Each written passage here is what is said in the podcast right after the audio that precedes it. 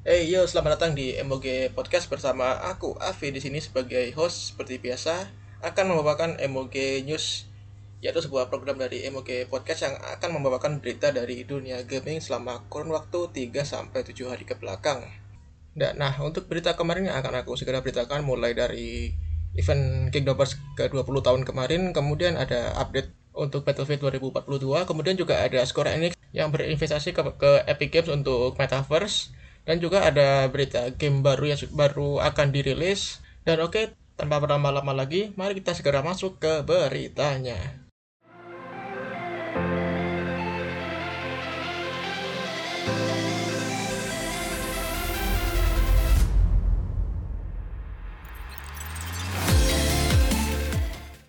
Oke, untuk berita pertama datang dari perhelatan di Tokyo pada 10 April kemarin 2022, yaitu sebuah event dari Kingdom Hearts Anniversary ke-20 tahun.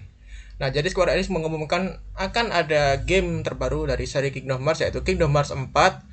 Yeay, akhirnya ada Kingdom Hearts baru tanpa nunggu lagi selama 10 tahun. Ya, karena kalian tahu sendiri, gap dari Kingdom Hearts 2 ke Kingdom Hearts 3 itu sekitar 14 tahun lah ya. Dan kemarin Kingdom Hearts 3 juga termasuk yang ditunggu-tunggu dengan fans dan juga seri yang bagus, seri kelanjutan yang bagus dari seri Kingdom Hearts. Dan sekarang kita udah dikasih tahu lagi untuk seri Kingdom Hearts 4. Nah, untuk seri Kingdom Hearts 4 ini kemarin Square Enix juga ngomong ada trailernya. Kalian bisa lihat di YouTube atau mungkin kalian sudah melihat dan pada intinya di sini kalian bisa melihat sebuah grafik baru dari seri Kingdom Hearts yang biasanya sangat-sangat kartun, sangat-sangat kartuni. Nah, di sini uniknya Kingdom Hearts 4 ini grafiknya yang setidaknya ditunjukkan di worldnya Sora yang sekarang yaitu di Tokyo kalau kalian bisa lihat di nggak tahu di kota apa di Shibuya mungkin. Nah itu grafiknya bener-bener fotorealistik banget. Mulai dari rambutnya Sora kemudian lingkungannya Sora seperti apa di gedung-gedung di apartemennya. Kemudian surprisingly mus musuhnya si Giant Darkness juga bener-bener bagus meskipun masih terlihat kartuni. Tapi untuk game next gen ini benar-benar sudah memenuhi syarat atau sudah sesuai dengan harapan kita untuk seri Kingdom Hearts ke, de ke depannya. Dan kemudian untuk bagian story sendiri, kita hanya diperlihatkan pada awal trailer yaitu Lost Master Arc, yaitu sebuah cerita baru dari Sora dan yang lainnya pada seri pada seri Kingdom Hearts keempat ini. Namun untuk plot dan yang lainnya masih belum di reveal karena ini masih benar-benar di early development. Dan untuk battle systemnya kalian bisa lihat sendiri di sini surprisingnya juga ada yaitu mungkin hanya battle mockup. Nah di sini juga menarik karena kita bisa lihat pergerakan Sora yang lebih luas kemudian juga env environmentnya yang tentu masih bisa berinteraksi dengan Sora. Dan terakhir untuk trailernya kita diperlihatkan Goofy dan Donald di gua atau di lorong yang benar-benar gelap. Gak, gak ada siapa pun. Di sana, di sana juga di reveal ada karakter seseorang. Kalau spekulasi para fans mengatakan bahwa nanti ini akan bisa nyambung ke MCU atau Marvel Cinematic Universe. Dan juga karakter dari Star Wars mungkin. Tapi kita juga nggak tahu masih gimana Squad Enix akan membawa game Kingdom Hearts 4 ini. Dan tentunya untuk perkiraan karena ini masih early development mungkin sekitar 2025 atau 2026 karena sekarang ya kita tahu sendiri Square Enix juga masih banyak game yang sedang di develop apalagi udah tahap tahap akhir. Jadi mereka masih lebih fokus ke sana. Kayak Final Fantasy 16 sama Final Fantasy 7 Remake part 2 dan part 3 kalau ada. Tapi ya jangan berharap banyak dulu untuk ini akan dirilis, dirilis cepat. Pokoknya sekarang udah ada beritanya udah di announce jadi untuk kalian para fans Kingdom Hearts mohon bersabar karena mau nggak mau nanti gamenya juga akan pasti dirilis kok. Dan oke, okay, kita lanjut ke berita part 2 aja kalau gitu ya. Dan berita kedua datang dari DICE dan juga EA soal game Battlefield 2042 kemarin. Nah, kalian juga tahu sendiri bagaimana performa dan perkembangan game Battlefield 2042 termasuk di Steam ya untuk yang paling parah yaitu concurrent playernya berkurang sampai ke angka 2000 atau bahkan kemarin juga ada di bawah angka 1000 jadi kalau bilang ini Battlefield 2042 kayaknya lebih pantas disebut sebagai Battlefield 1000 Battlefield 1000 karena playernya ya udah benar-benar dikit banget. Tentunya pihak DICE dan EA masih belum menyerah mereka akan berjanji akan menghadirkan sekitar 400 lebih fix dan update untuk gameplaynya akan menjadi lebih dinamis, lebih lebih fun lah intinya. Karena di sini aku juga nggak main jadi nggak tahu gimana maksudnya. Tapi kayaknya juga agak percuma ya karena kepercayaan fans dan juga pemain udah benar-benar berkurang termasuk yang ada di PC di Steam dan juga Origin tapi nggak tahu kalau di konsol. Tapi ya gimana ya intinya masih sama lah kan ini yang dimasalahkan core gameplaynya. Imbalasin dari gunplaynya dari tim tim matchnya itu masih benar-benar kurang balance kalau dari teman-temanku yang main dan juga dari beberapa review yang aku tonton jadi kayaknya paling bener ya saran dari fans dibuat game gratis aja jadi kalau misalnya dibuat game gratis kan nanti banyak orang yang pingin nyoba, nanti kan juga lebih banyak masukan dari mereka. Nah di sana sebenarnya pihak Dasan IE juga bisa lebih leluasa untuk mengetahui ya gimana keinginan para fans karena eh, yang main ya kita kita ini ya fans kita menikmati gamenya. Kalau game, game gratis kan paling paling nggak kita nggak ngeluarin dana kita kita sebagai cuma sebagai apa ya free free demo lah atau free ya free demo Nah, kalau untuk yang udah bayar nggak tahu mungkin bisa dikasih kompensasi, tapi juga ya nggak mungkin karena uangnya pasti juga udah digunain buat marketing dan pihak development dan juga update update sampai sekarang. Tapi ya semoga pihak DICE dan juga EA benar-benar bisa memfix atau memberikan update untuk Battlefield 2042 seperti trailer perdana yang mereka berikan pada tahun-tahun sebelumnya. Jadi gameplaynya benar-benar sesuai dengan harapan para fans. Oke, untuk berita selanjutnya adalah datang dari Epic Games. Nah, untuk kita sadari bersama bahwa Epic Games ini sendiri yang paling melek atau yang paling bersikeras untuk masuk ke ranah metaverse atau ke tren dari metaverse.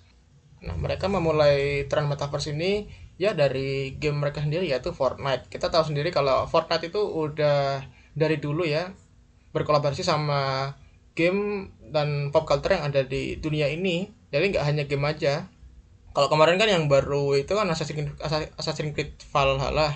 Karakternya kan masuk ke Fortnite. Kemudian ada Naruto lah apalagi Naruto kan itu kan dari anime bukan dari dunia game.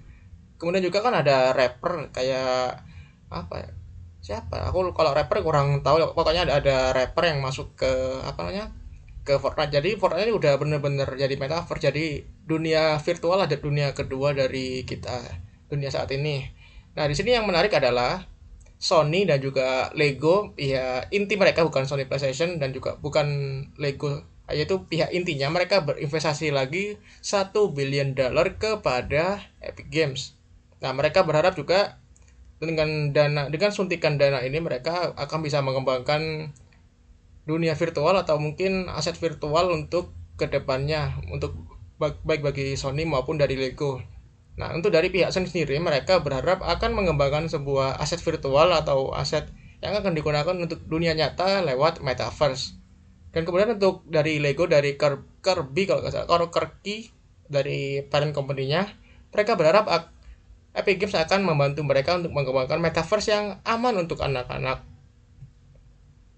Nah, maksud dari aman dari anak-anak ini aku juga sebenarnya kurang tahu bagaimana, tapi kalau dilihat dari culture internet sekarang yang kita tahu sendiri ya benar-benar barbar lah ya internet sekarang ini nah nantinya kan karena meta metaverse ini sebenarnya mas, masih belum established atau masih belum sempurna atau masih apa ya masih belum benar-benar bisa kita rasakan lah nah di sini Lego ini mau head start atau mengambil start awal dengan berinvestasi kepada pihak yang benar-benar udah punya nama udah benar-benar serius di metaverse ya itu ya si Epic Games jadi kedua pihak ini Lego dan Sony menggelontorkan dana satu billion dollar ini juga udah bukan main-main dan mereka juga berharap lebih kepada Epic Games untuk memberikan service kepada mereka untuk metaverse yang akan datang.